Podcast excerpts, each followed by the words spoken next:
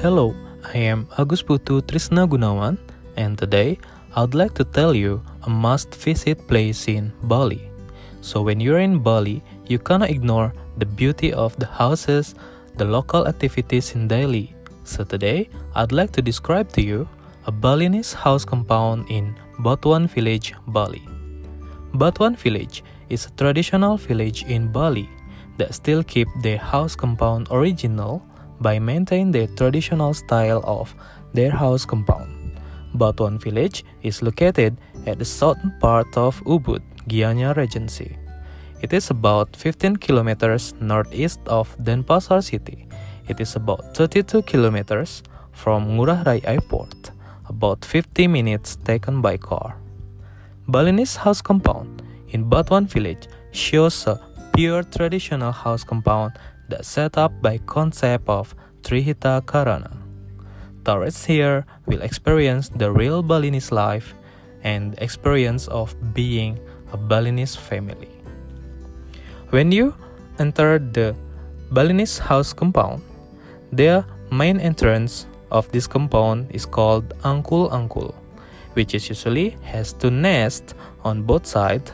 They are function as rent where family also put offerings dedicated to spirits outside the compound. Right behind Angkul Angkul, or the main entrance, you will find a little screen wall which known as penambleh. Penambleh is a aling-aling or a function to block the view from outside, to give a privacy for the family as well as to discourage any evil spirits who would like to enter the compound. And some family will also put statue of Lord Ganesha in front of their aling-aling, and as we know, Lord Ganesha is believed to be the god of wisdom and well as the obstacle remover that try to enter the compound. Balinese compound is set up based on a concept of Trihita Karana, which means the three causes of happiness or joy. The first cause of happiness, called Parahyangan, which is symbolized by the temple that we have inside the compound, which is normally located at the northeast corner. This is the place where they keep their good connection to the god as well as to their ancestors. Northeast corner chosen as the place for the temple because it is believed to the holiest directions toward the highest and the holiest directions of mountain in Bali called Gunung Agung or Agung Mountain. There are some numbers of shrines that we could see in family temple. The first one is called Padmasana or Padmasari. This is special shrine dwelled by Ida Sanghyang Widhiwasa by the three main manifestations Brahma, Vishnu, and Siva. It is placed at the north corner of the temple area. Next to Padmasana, on the left side, there is a bigger roof shrine with three compartments called Rong Telu or Kemulan.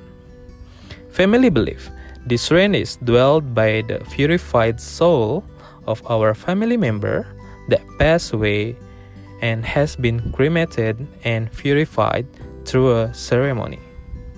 The next shrine after Kemulan is Penglurah, which is believed to be dedicated for the Holy Spirit called Ratu Ngurah Agung, the main guardian of the temple. The last shrine is called Taksu, or place for north side of the temple. It is dedicated for the god of talent, which the hope that we that the god as well as our ancestors will pass good talent to the family members. There is also a small open building called piasan, which is usually used to adorn the sacred symbol that we have in the temple, as well as the place for the high priest to conduct the ceremony. The last building in the temple is called Gedong. It is a place to keep all the temple's paraphernalia. Move outside the temple. It is area for the second cause of happiness called Pawongan. In this place of the house building and several building that purpose as the living area to keep the relationship among family members. There are some different houses in this living area and it named based on their function as well as their direction where they're located. The first house is called Balai Daja. Balai Daja or Meten. Daja means north in Bali because this particular building is located at the north side of the compound. Balai Daja is dedicated for the most honored people in family, usually the eldest in the family. The next house called Balai Dangin. Dangin means east because this building is located as the eastern part of the compound, but mostly it is in the middle part of the compound. Most of ceremonial activities which related to human being will be done right here. For example, like wedding ceremonies, teeth filling ceremonies, and others. At the western part of the compound, there is also another building. It's called Balai Dauh because Dauh means west. This is the place of sleeping quarter for other members of the family. Another sleeping quarter at the southern part of the compound is called Balai Delod. Delod means south. Next to Balai Delod, the certain part of the compound, we can find Paon. Paon means kitchen. It is the place for cooking. Besides, Paon is also related to the place for manifestation of the god who guard the south direction, which is called God Brahma, the god of fire. Most family compound will still have well as maintain the source of the water. It is placed in front of the paon or kitchen building. If we check into the room where family sleep, the position of the pillow will always either at the north or east.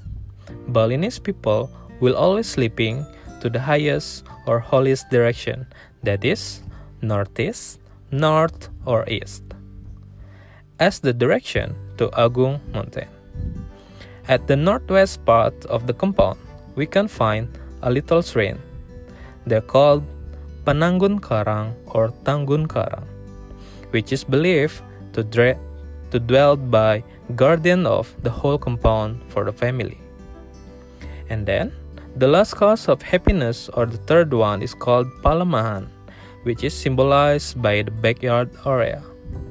In this area, we can find toilet, washing place, and as well as the thing that family use to dry their clothes. We also can find several vegetable plants and domestic animal livestock like chicken, dogs, and pigs. The backyard area is usually placed at the southern part of the compound. It can be at the southeast or the southwest area of the compound.